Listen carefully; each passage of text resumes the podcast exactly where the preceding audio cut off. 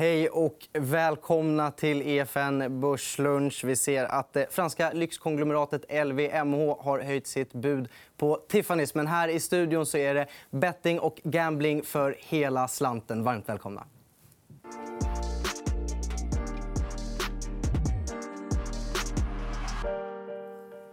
Ja, och det här ska vi prata tillsammans med Hjalmar Ahlberg, analytiker och med Jesper Sögaard, som är vd på Better Collective. Uh, and we're going to do this in English.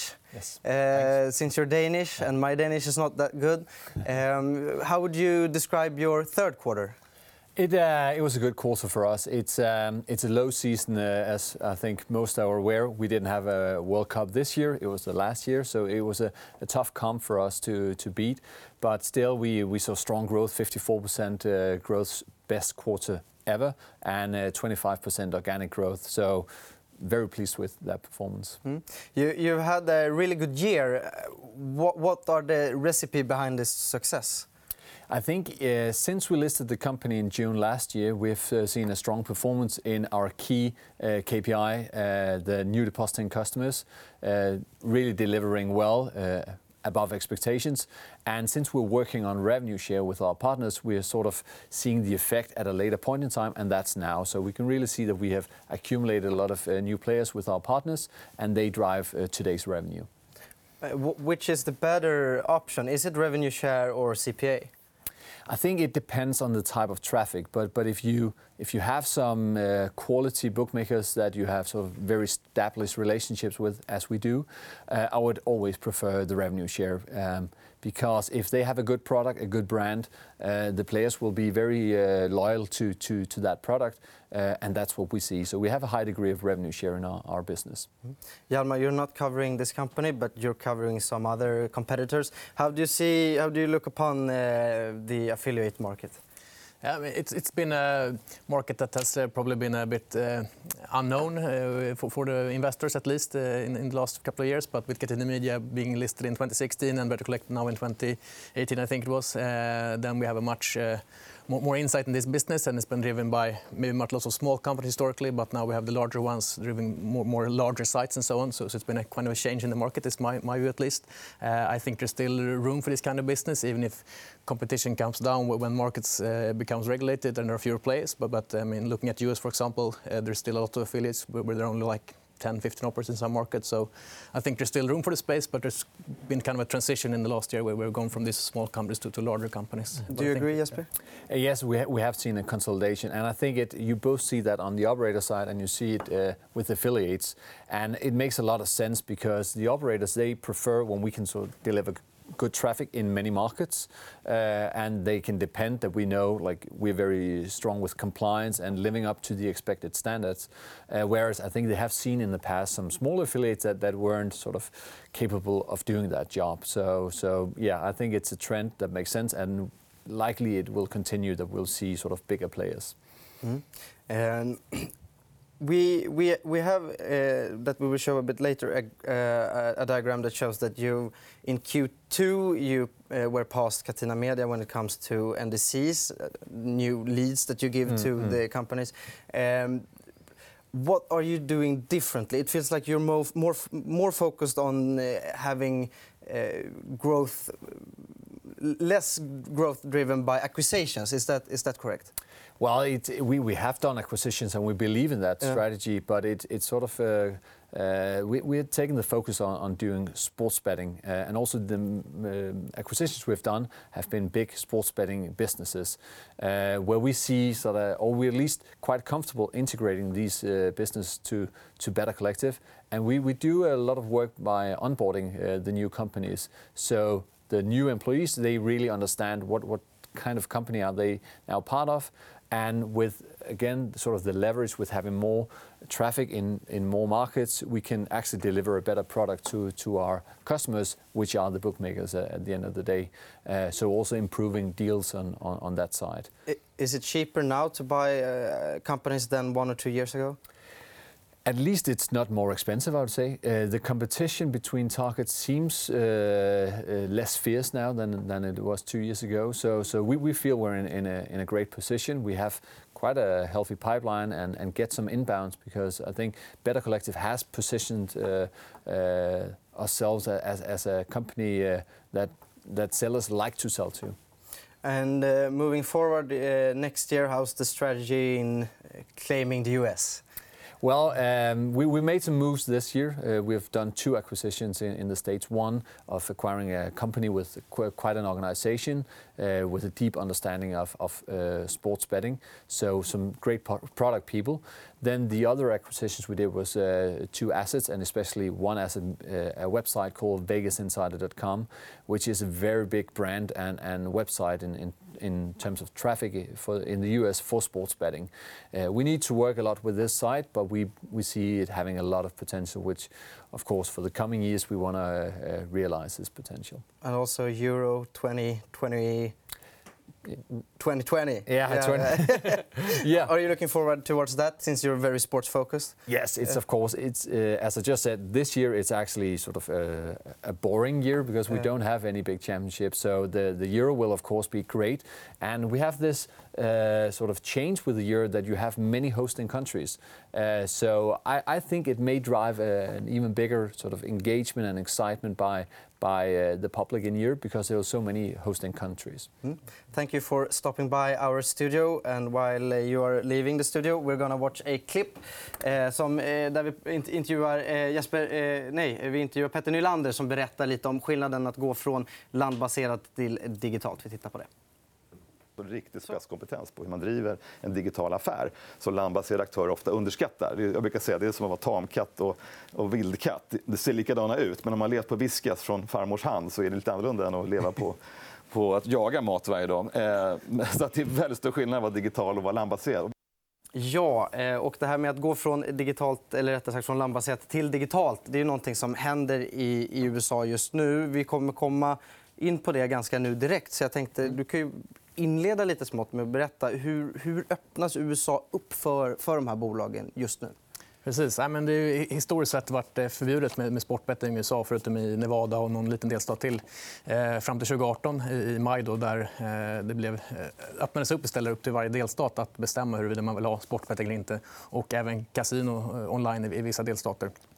Så det är en marknad som, som har funnits där egentligen, men den har varit förbjuden eller oreglerad. Och många har ju spelat sportbetting i USA, men man har har inte kunnat göra det lagligt. Eh, men nu kommer det då i delstat för delstat. New Jersey var tidig ute, gör Pennsylvania var ganska snabb också.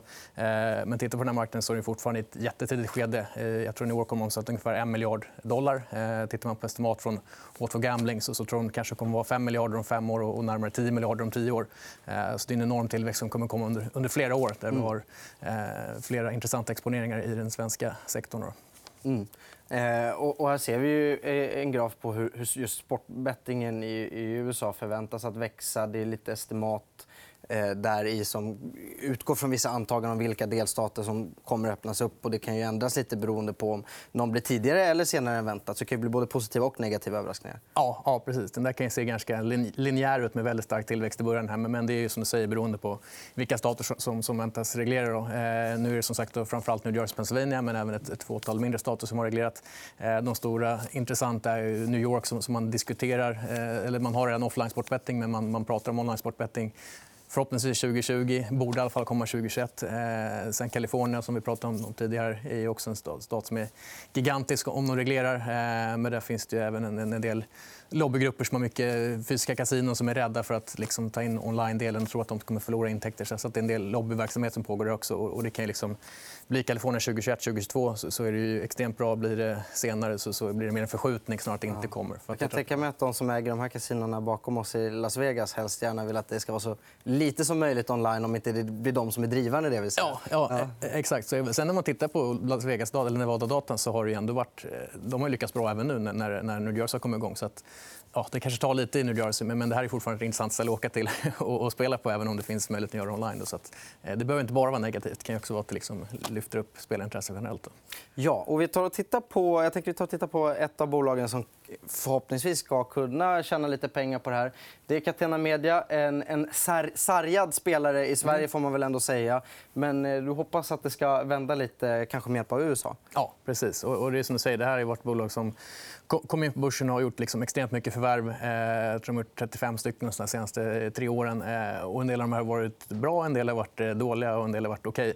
Okay. Och tittar man på det som har varit bra så är det ju USA där de köpte ett bolag ganska tidigt inför att det skulle bli reglerat, att de hoppas skulle bli reglerat. Och det är det som nu blir en helt jätteintressant tillgång när marknaden kommer igång här. Och tittar man på bolag generellt så har de ju gått, justerat om lite från att vara väldigt tillväxtdrivet och förvärv till att istället gå på organisk tillväxt, framförallt i USA. Och USA var ju nu Q3 eh, ungefär 20 av, av omsättningen. så att Det har blivit en ganska betydande del av bolaget. Och tittar du framåt de närmaste tre åren så är det som kommer driva tillväxten. Eh, och, och, bara det räcker egentligen skulle jag säga, för att den här aktien ska vara, ska vara köpvärd. Eh, sen tror jag även att övriga marknader med på Norden, Europa har också varit lite problematiska med, med reglering i Sverige, eh, tuffa regler i UK. Och så där, så de har också krävt lite omställning. Men även där tror jag att det bottnar ur. Så att, ja. 2020 har ju förmodligen tillväxtår och även därför framöver också. Och de här problemen eller de här utmaningarna som har varit syns ju lite i värderingen också. Precis. Eh, en aktie som har värderats högre än spelsektorn själv. Man kan säga att spelsektorn handlas någonstans 10 gånger 12 gånger ebit ungefär. Och Catena när de var på börsen, eller när de introducerades på börsen var det snarare legat på 14 till 16 gånger ebit. Eh, sen när man då slutade växa eller slutade förvärva och visade mindre organisk tillväxt än väntat har multipeln kommit ner till, till under 10 gånger. Eh, och det är såklart ändå att marknaden inte tror riktigt på de här tillväxtsiffrorna som, som jag och även konsensus har i sina förväntningar. Eh, men vi tycker det ser ut som att det bottnar ur och Q3 visar ändå en indikation på att man har tillväxten tillbaka. Så jag tror att det är en, ett, ett intressant spel på, på eh, sportbetting-tillväxten i USA och även kasinodelen som, som kommer där också. Ja. Eh, vi ger oss in på Kambi som ett mer rent spel på sporten. så att säga. Catena mm. Media har ju både kasino och sport. Eh, och Kambi de har ju fotbolls-EM nästa år att se fram emot. Men, men framför allt kanske då också USA som drivare. Att skriva fler och fler avtal med olika operatörer. Där. Ja, precis. Och de, de har haft en grym position där som har en produkt produkt som är egentligen perfekt för den amerikanska marknaden. Där du har kasinon som liksom eh, är etablerade men de har inte varit online överhuvudtaget. Så de behöver en partner som och kanske inga experter på sport heller? Nej. Eh, så att Cambys produkt med Sportbook har varit eh, perfekt för för de här bolagen som finns där. Och man ser den första kunden de tog där, Draftkings. Det är en ganska stor spelare. Va? Precis, som nu har liksom tagit ja, 20-30% av marknaden i New Jersey och även ja, kommer igång på andra marknader också.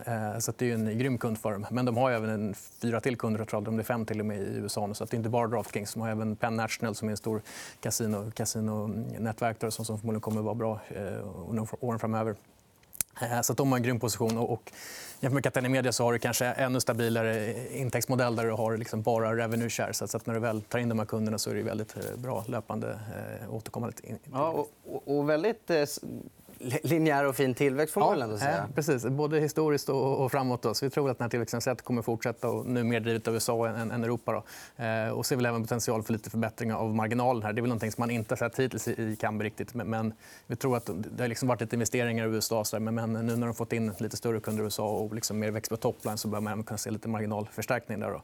Eh, för deras ebitda ligger kanske på 30% Tittar du på leverantörer generellt så är det liksom snarare 40-50 mm ja, intäktsmodellen är ganska lik, kanske lite mer arbetsintensivt med, med, med, med att ha liksom sporttraders men ska ändå finnas den här lite, lite lönsamhetspotential också. Ja. Eh, det har funnits en del orosmoln eh, att de eventuellt då förlorar avtalet med Draftkings eller också 888 Sport. Eh, det kanske syns i värderingen i sin tur. Ja, men så är det. När sportbetting blev avreglerat i USA eller när det uppfördes deltagarreglera så stack värderingen iväg liksom till, 30-40 gånger ebit mot historiskt snitt på 25 kanske. Eh, sen så senaste året har värderingen kommit ner och då bland annat nyheten att Triple 8 ska gå över till egen sportbok. Eh, och de kommer att göra det successivt. Eh, och sen ganska kort efter det så, så kom nyheten att Draftkings, eller nyheten, spekulationer kring att Draftkings ska, ska eh, köpa en annan leverantör för att göra det själv också. sen har väl de runnit ut lite i sanden, även om det fortfarande finns risk att det händer. Eh, men det är väl det som har fått ner värderingen här. Men samtidigt har Draftkings nu förlängt kontraktet i flera av de här delstaterna och signat nya delstater. Så att, eh, på kort sikt kommer de vara kvar som kund. Eh, långsiktigt finns, finns väl risk där, men har liksom treårsperspektiv så kommer Kambi ha flera kunder där. Så att då är väl den draftkingsrisken mindre. Eh, så jag tycker den värderingsnedgången som vi haft gör att det blir ett väldigt bra läge att investera. Och särskilt det vi ser i USA nu att, att tillväxten verkligen kommer igång på sportbetting eh, med, New Jersey och Pennsylvania som går online. Liksom, och det växer extremt starkt. och det syns liksom direkt i Kambis siffror. Mm. Så bra läge om man frågar dig i både Catena Media och Kambi? Ja, det tycker jag. Båda är bra spel på, på USA. Spel på USA? Ja. Eh, bra. Vi går vidare och kollar om det är värt att betta på Sverige. Då. Eh, för Det är ju en marknad som reglerades. Det har vi pratat mycket om både här och på andra ställen. Eh, och det har ju...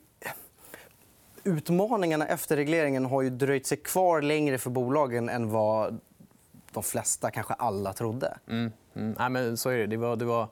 Man har tittat på tidigare regleringar i Italien, Danmark när de reglerade. Och då fick man väl en viss dipp. Liksom, sen kom det tillbaka. Eh, skillnaden i Sverige var väl att vi hade kommit mycket längre i den här online migreringen. Eh, nästan hälften online i Sverige eh, på, på spel. Då. Eh, så att det blev en mycket större negativ effekt när man då skatten kom in men också de här nya reglerna på, på, på, på eh, responsible gambling. Att man måste, ja, man kan använda sig av här spelregistret och stänga av sig helt. Eh, du måste sätta insättningsgränser och du har vissa regler på slottspel hur snabbt man får klicka på knappen. Och så mm. Eh, så det har slagit ganska kraftigt, framförallt mot, mot kasino men även sportbettingbolag. Och sen är det två nya konkurrenter med, med ATG och Svenska Spel då, som kommer in på kasino och sport. Just det. Um, och stora förlorare verkar vara Betsson om man får titta från den gruppen. Ja, Störst förlorare i alla fall. Precis. Och då ser man, framförallt var det ju Q1 och januari som var jättetufft. Och, och det var delvis drivet av bonuseffekter. Det var jättestora bonusar eftersom man bara får bonus en gång i Sverige nu med, med den regleringen. Så, så... Och behövde ge om till alla redan befintliga kunder också? Ja, eh, och det var, alltså, man utnyttjade det också för att få liksom, eh, nya kunder. Eh, men det är klart det kostar initialt för att då ska de ju först spela bort bonusen innan man kan, man kan spela, spela för de riktiga pengarna.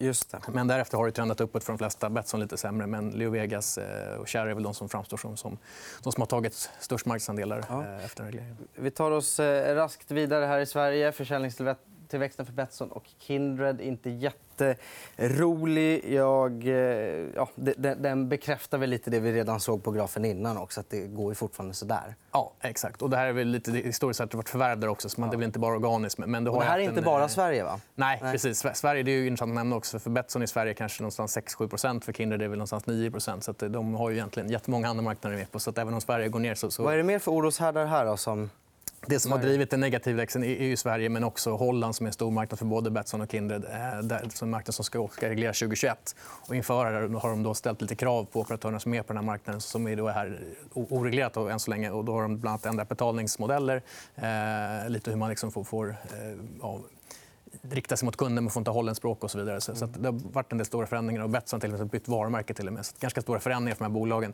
Eh, men det ser ut som det, som det bottnar ur för båda dem efter de här förändringarna. Men det är det som har drivit det negativa då i Q1, Q2, Q3, Sverige och Holland. Eh, och även Norge som har varit lite utmanande med, med, med regleringar. Och de har prisats därefter. Vi kan raskt hoppa vidare till nästa också. Så ser vi att detsamma gäller Leo Vegas. Och jättekort bara innan vi går vidare till Evolution Gaming, som vi måste hinna med. Mm, mm. Annars vet jag att Twitter-kollektivet kommer bli galna. Men, eh, det ser ganska billigt ut, Leo Vegas. Och det har varit lite uppköpsrykten på slutet. Är det kanske någonting vi får se, att lite mindre operatörer köps upp nu när det inte är så dyrt längre? Ja, det, det tror jag. Det, det, det, finns absolut potential för konsolidering. Och framförallt de små, men, men kanske även större. Vi såg ju att Paddy Power eh, och The Stars Group i, i Kanada gick ihop. Så att det är även mega mergers i sektorn också. Så, så att eh, det, det kommer nog fortsätta. I Sverige har det varit alldeles för lite sånt kanske. Eh, många har vuxit så pass bra så att de, de har liksom inte känt att behövt göra den här konsolidering. Men det kommer nog närmare nu. Absolut. Mm. Eh, och då ska vi ge oss på Evolution Gaming också. En, en eh, Twitter-favoriten, blivit lite småspararfavorit också. Eh, du eh, är inte riktigt lika övertygad kanske? Eh, nej, jag är imponerad. tycker bolaget växer bra. Vinsterna är extremt bra. Marginalerna går upp mer än man tror. och De lanserar på nya marknader. Och så där. Sen tycker vi att värderingen återspeglar det. Eh, och den ser vi här. Ja, så den handlas i linje med, med snitt. Liksom. Och tittar man historiskt har värderingen varierat ganska mycket. Och, och det har dels varit kopplat, tror jag i alla fall, då, till, till lite hur, hur andelen reglerade intäkter eh, växer och minskar i bolaget. Och 2018 när, när aktien liksom gick ner på jättelåga multiplar så var det ju bland annat för en oro att de växte för mycket i, Asien. Eh, och, det man såg att var jag tror, oreglerade marknader var några de ändrar hur, hur de eh, redovisar reglerat och oreglerat. Men, men historiskt sett var det någonstans 36 tror jag, eh, och, och reglerat. Ja. Och sen har den eh, varit där ungefär omkring de nivåerna. Så det är lite orosmolnet ändå. För vi ser ju på försäljningen och ebitda, det ser bra ut. Mm. Eh, värderingen var ju ändå okej, okay, men, men orosmolnet det är mycket oreglerat i deras intjäning. Ja, ja men det, är väl det som är största risk. Liksom. Ja. Produktmässigt har de, ligger de långt före. Eh, de har jättestor marknadsandel. Eh, konkurrenterna ligger efter. Sen kommer väl de komma också. Då. Eh, men, men det är väl liksom det som är orosmomentet. Så när multipeln kommer upp tycker jag man kan liksom, då, kommer den risken bli mer relevant. Liksom, igen. Det är lite så jag tänker. Men, men annars liksom, imponerande bolag. Men, men tyvärr ser jag liksom inte att... Och särskilt om man jämför med övriga sektorn som är liksom jättedownbeat så, ja. så, känns det som att där finns mycket mer uppsida. Särskilt om man då tror att, att vi har liksom bottnat ur på den här lite negativa tillväxten såg i, sektorn. Så att ja. skulle hellre gå på operatörer nästan än, än, eh, Evolution. Ja, en absolut sista fråga. Eh, kommer, om vi sitter här om ett år, kommer värderingarna i sektorn vara högre eller lägre än idag? Eh, högre, tror jag. Ja. högre. Ja, det var ändå upplyftande sista ja. ord. och Det var allt som EFN Börslunch hade att bjuda på idag. Men ni ska såklart inte missa oss imorgon. för Då kommer Jonathan Wilmot och så ska vi prata lite strategi. Missa inte det. Och tack för att du kom.